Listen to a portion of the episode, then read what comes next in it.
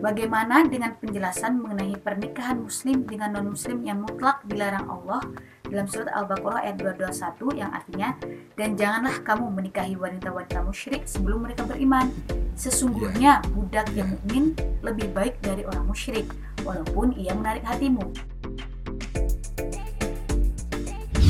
Tentunya kalau kita melihat tentang alur kitab tentunya banyak pertanyaan yang kemudian muncul gitu kita dalam Al-Quran semua manusia itu akan mendapatkan rahmat yang sama dari Tuhan. Kita semua juga akan mendapatkan tempat yang baik jika kita melakukan amal soleh gitu Pak ya. Lantas ya, bagaimana betul. hukum menikah dengan ahlul kitab Pak?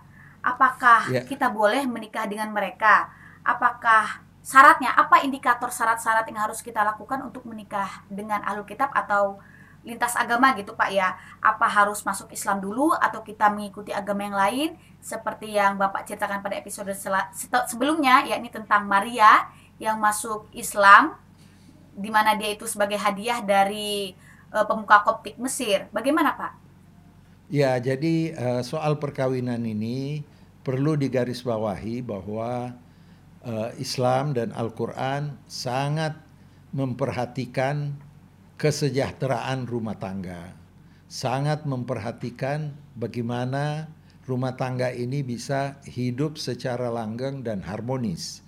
Uh, sebelum ayat tentang uh, penjelasan siapa yang boleh kawin dan siapa yang tidak boleh kawin dengan muslimah, uh, sebelumnya ayat sebelumnya itu membicarakan tentang bagaimana seorang yang kebetulan mungkin uh, saudaranya meninggal dan meninggalkan anak yatim di rumahnya. Diminta dengan sangat agar perlakuan terhadap anak yatim ini jangan semena-mena. Karena semena-mena dengan anak yatim sama halnya dengan kita mendustakan agama. Orang-orang yang memperlakukan tidak benar terhadap anak-anak yatim itu dispadankan oleh Al-Quran sebagai orang-orang yang mendustakan agama. Jangan menghardik uh, orang-orang yatim. Baru setelah itu dalam rangka uh, hubungan harmonis di dalam rumah tangga, uh, Al-Quran memberikan petunjuk bahwa uh, Muslim tidak diperkenankan kawin uh, dengan musyrikah atau orang yang penyembah berhala. Dan tentu saja perempuan penyembah berhala tidak boleh kawin dengan eh, laki-laki uh, muslim. Dan juga uh, harus diingat bahwa uh, Islam menyatakan bahwa manusia dalam uh, membina suatu rumah tangga dia di uh, biasanya di hadapkan kepada beberapa pilihan. Antara lain pilihan kecantikan, pilihan uh, keturunan, pilihan uh, kaya. Uh, satu hal yang sangat prinsipil, sangat penting di dalam Islam adalah bagaimana uh, umat manusia, bukan saja umat Islam, dapat hidup secara sejahtera, hidup harmonis di antara satu dengan lainnya. Uh, di dalam salah satu uh, ayat yang sangat populer itu bahwa kami ciptakan manusia ini ber, uh, beraneka ragam bangsa-bangsa untuk apa? Lita arafu untuk saling mengenal, saling menciptakan hubungan yang baik. Nah, khusus untuk menciptakan suatu masyarakat yang baik harus dimulai di rumah. Dan di rumah itu adalah bagaimana menciptakan hubungan yang baik di rumah sehingga bisa uh, menularkan kepada tetangga, masyarakat kecil, masyarakat besar dan tujuan daripada uh, ta'aruf atau hubungan baik di antara sesama ini bisa tercapai. Uh, salah satu hal yang penting adalah bagaimana kita mencari pasangan. Nah, di dalam Islam pasangan itu sudah diatur sesuai dengan ayat yang pertanyaan tadi itu. Uh, nanti Dini bisa baca uh, secara uh, komplitnya nanti saya jelaskan apa yang dimaksud dari ayat yang dalam pertanyaan tersebut. Tetapi prinsipnya adalah laki-laki yang ingin menikah itu dia diberi opsi beberapa hal yang menjadi pertimbangan utamanya. Yang pertama li jamaliha. Karena kecantikannya maka dia tertarik dan dia pilihlah uh, pasangan yang cantik.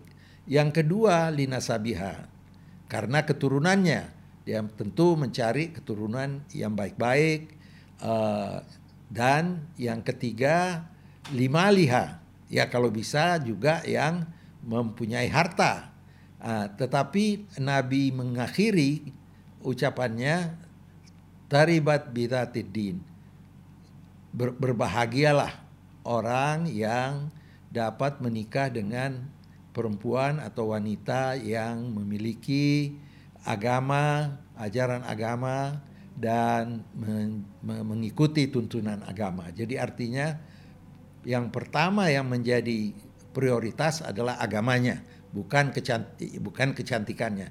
Nah, di situlah uh, masuk kepada uh, ayat yang disampaikan tadi uh, sebagai pertanyaan. Coba bacakan ayatnya. Ya, Selanjutnya ini pertanyaannya begini Pak. Bagaimana dengan penjelasan mengenai pernikahan muslim dengan non-muslim yang mutlak dilarang Allah dalam surat Al-Baqarah ayat 221 yang artinya dan janganlah kamu menikahi wanita-wanita musyrik sebelum mereka beriman. Sesungguhnya wanita budak yang mukmin lebih baik dari wanita musyrik walaupun dia menarik hatimu. Dan janganlah kamu menikahkan orang-orang musyrik sebelum mereka beriman. Sesungguhnya yeah. budak yang mukmin lebih baik dari orang musyrik walaupun ia menarik hatimu. Mereka mengajak ke neraka, sedang Allah mengajak ke surga dan ampunan dengan izinnya. Dan Allah menerangkan ayat-ayatnya kepada manusia supaya mereka mengambil pelajaran. Namun yang jadi pertanyaan Pak, kan sekarang yeah. ini sudah tidak ada perbudakan Pak ya? Sudah tidak yeah, ada iya. Yeah. Yang kedua, kategori musyrik. Kategori musyrik di masa lampau itu adalah kan orang-orang yang menyembah berhala Sedangkan hmm. di zaman sekarang mayoritas manusia itu sudah terikat dengan agama yang mereka yakini. Bagaimana ayat ini, Pak? Ya, jadi musyrik itu uh, harus dimengerti uh, bahwa Al-Qur'an sangat jelas uh, sikapnya terhadap orang-orang yang mensekutukan Tuhan, musyrik. Apakah dia berhala, apakah bukan berhala, mensekutukan Tuhan. Jadi ada Tuhan selain Allah Subhanahu wa taala ya ada Tuhan, ada yang disembah. Nah, jadi termasuklah penyembah berhala, penyembah api, dan juga yang tidak menyembah apa-apa, ateis, karena dia menganggap bahwa Tuhan tidak ada artinya. Nah, jadi musyrik uh, di dalam Al-Quran dikatakan bahwa semua dosa itu bisa diampuni oleh Allah Subhanahu Wa Taala kecuali uh, uh, uh, ke, kecuali yang mensekutukan Tuhan. Karena apa? Karena logikanya Anda kalau mensekutukan Tuhan, maka nanti hari kemudian Anda akan akan menghadap Tuhan, Tuhan akan mengatakan, "Jangan menghadap saya, kamu menghadap kepada Tuhan yang kamu sembah waktu di dunia, kepada kekuatan yang kamu anggap lebih kuat daripada saya atau kamu mempersamakan saya dengan kekuatan itu. Kamu kembali ke dunia untuk uh, supaya kamu uh, apa, mencari pertolongan dari mereka. Jadi uh, musyrik adalah uh, antitesa daripada kepercayaan kepada yang maha kuasa. Sehingga jangan sampai di dalam rumah itu ada dua prinsip yang berlaku untuk anak-anak. Jangan sampai ada dua prinsip dasar kehidupan di dalam rumah ada yang membolehkan uh, memiliki kekuatan atau Tuhan selain Allah dan ada yang uh, konsisten hanya kepada Allah. Nah, untuk menghindari apa? Menghindari agar perkawinan itu menjadi langgeng, tidak ada kesimpang siuran, apalagi di dalam mendidik anak. Uh, kenapa ahlul kitab boleh? Karena pada dasarnya ahlul kitab ini adalah bagian dari agama Ibrahim, uh, uh, Abrahamic uh, faith, agama Ibrahim yang uh, mengajak untuk menyembah yang Maha Esa.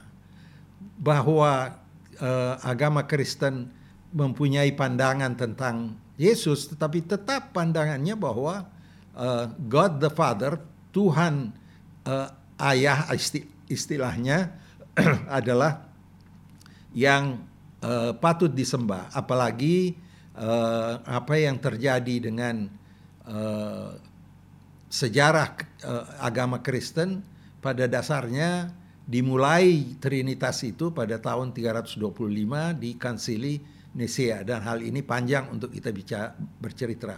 Sampai hari ini pun masih ada kelompok uh, apa namanya uh, Kristen yang menganggap bahwa uh, Nabi Isa itu rasul dan bukan anak Tuhan. Uh, kelompok Unitarian dan kelompok Socinian pada abad 16-17 sehingga apa pada dasarnya baik Yahudi dan Kristen tetap percaya bahwa uh, mereka percaya kepada Tuhan yang esa namun uh, menurut Al-Qur'an uh, mereka telah uh, berlebihan di dalam menempatkan Nabi Isa sebagai sebagian menempatkan sebagai anak Tuhan, sebagian Tuhan dan sebagainya. Jadi ahlul kitab boleh umat Islam uh, apa uh, kawin kepada mereka karena ada titik temu di antara mereka. Kalau musyrik ini atau yang menyembah berhala atau mensekutukan Tuhan, maka titik temunya tidak ada dan Tuhan berfirman di dalam Al-Qur'an bahwa semua dosa itu bisa diampuni oleh Tuhan kecuali dosa uh, uh, yang mensekutukan Tuhan. Jadi uh, di situ uh, kelebihan daripada ahlul kitab dan dan juga kita mengetahui bahwa sahabat Nabi juga uh, seperti Utsman bin Affan, uh, khalifah keempat dan Talha bin Zubair, dua sahabat dekat Nabi juga uh, telah uh, uh, menikahi orang-orang Yahudi bahkan uh, Nabi sendiri menikahi uh, Maria Al-Qubtiyah yang asalnya juga ahlul kitab. Jadi di situ perbedaannya.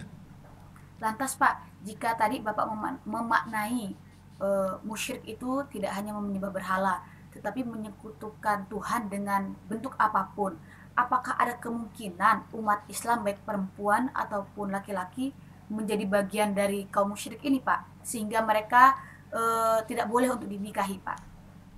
Uh, musyrik yang tidak boleh dinikahi itu adalah mereka yang percaya bahwa ada Tuhan selain Tuhan, hmm. Allah. Tetapi yang musyrik dari arti uh, apa namanya uh, linguistik karena di dalam uh, ahli-ahli tafsir, ahli-ahli fikih ada yang namanya uh, syirk yang terselubung, orang yang menyembah seakan-akan menyembah hawa nafsunya, seakan-akan menyembah harta. Dia dia dahulukan harta daripada menyembah Allah. Itu juga uh, boleh dikatakan sebagai syirik, tapi yang dimaksud oleh Al-Qur'an adalah syirik yang betul-betul uh, mensekutukan Tuhan dengan uh, apa namanya? Allah Subhanahu wa taala menyembah berhala dan uh, menyembah uh, apa menganggap bahwa berhala ini yang bermanfaat atau menyembah uh, pohon, menyembah uh, uh, dan sebagainya. Itu yang dimaksud dengan syirk, syirk yang jelas. Hmm. Baik, baik Pak. Jadi intinya perkawinan dengan ahlul kitab itu diperbolehkan. Tapi yeah. yang ditekankan adalah bagaimana kita menciptakan keluarga yang sejahtera dengan mempunyai satu prinsip gitu Pak ya. Ya, jadi kita bisa melihat pengalaman atau realita orang-orang yang kawin lain uh, budaya, lain budaya saja ya, lain budaya, akan iya, Pak, akan mengalami iya. benturan-benturan, iya. mengalami tantangan di dalam kehidupan benar, mereka. Benar, Jadi orang yang taruhlah orang Indonesia yang kawin sama uh, orang luar negeri yang budayanya lain, kita bagaimana uh, budaya kita yang sampai tua kita tetap berbakti kepada orang tua, kita kalau perlu uh, apa namanya tetap uh, hidup bersama kita. Kalau budaya barat dituntut untuk orang tua-tua itu di tempatkan di nursing home. Tidak berarti nursing home itu tidak baik, tetapi budayanya begitu karena semuanya bekerja, tidak ada waktu untuk mengurus orang tua. Eh, ini saja sudah ada perbedaan, belum lagi eh, budaya-budaya eh, yang beda-beda agama dan sebagainya. Jadi inti daripada eh, ajaran Islam bagaimana menciptakan keluarga yang harmonis dan dengan demikian menciptakan uh, lingkungan yang sejahtera dan masyarakat yang sejahtera yang bisa membangun suatu bangsa yang uh, harmonis. Itu kira-kira. Uh, iya iya. Ya. Ini sangat membantu buat kita kita melihat fenomena yang sering terjadi dan ini juga menjadi pertanyaan yang umum ada di landasan pikiran kita ketika ada kebolehan antara ahlul kitab menikah dengan kaum muslim Terima kasih Pak tentang klaim surga Pak. Yeah. Karena kita tahu semua umat beragama memiliki perspektif surganya masing-masing dan mereka yeah. mengklaim surga hanya mereka saja yang berhak memiliki. Nah, yeah. ada pertanyaan dari seorang teman. Bapak menjelaskan bahwa ahlul kitab yakni Yahudi dan Nasrani akan masuk surga. Lalu bagaimana dengan orang Hindu, Buddha, dan Konghucu Pak? Apakah mereka ini termasuk dalam kategori asabiin gitu Pak? Orang-orang yang mempunyai kitab di masa lampau. Menurut Bapak siapa yang lebih disukai Tuhan?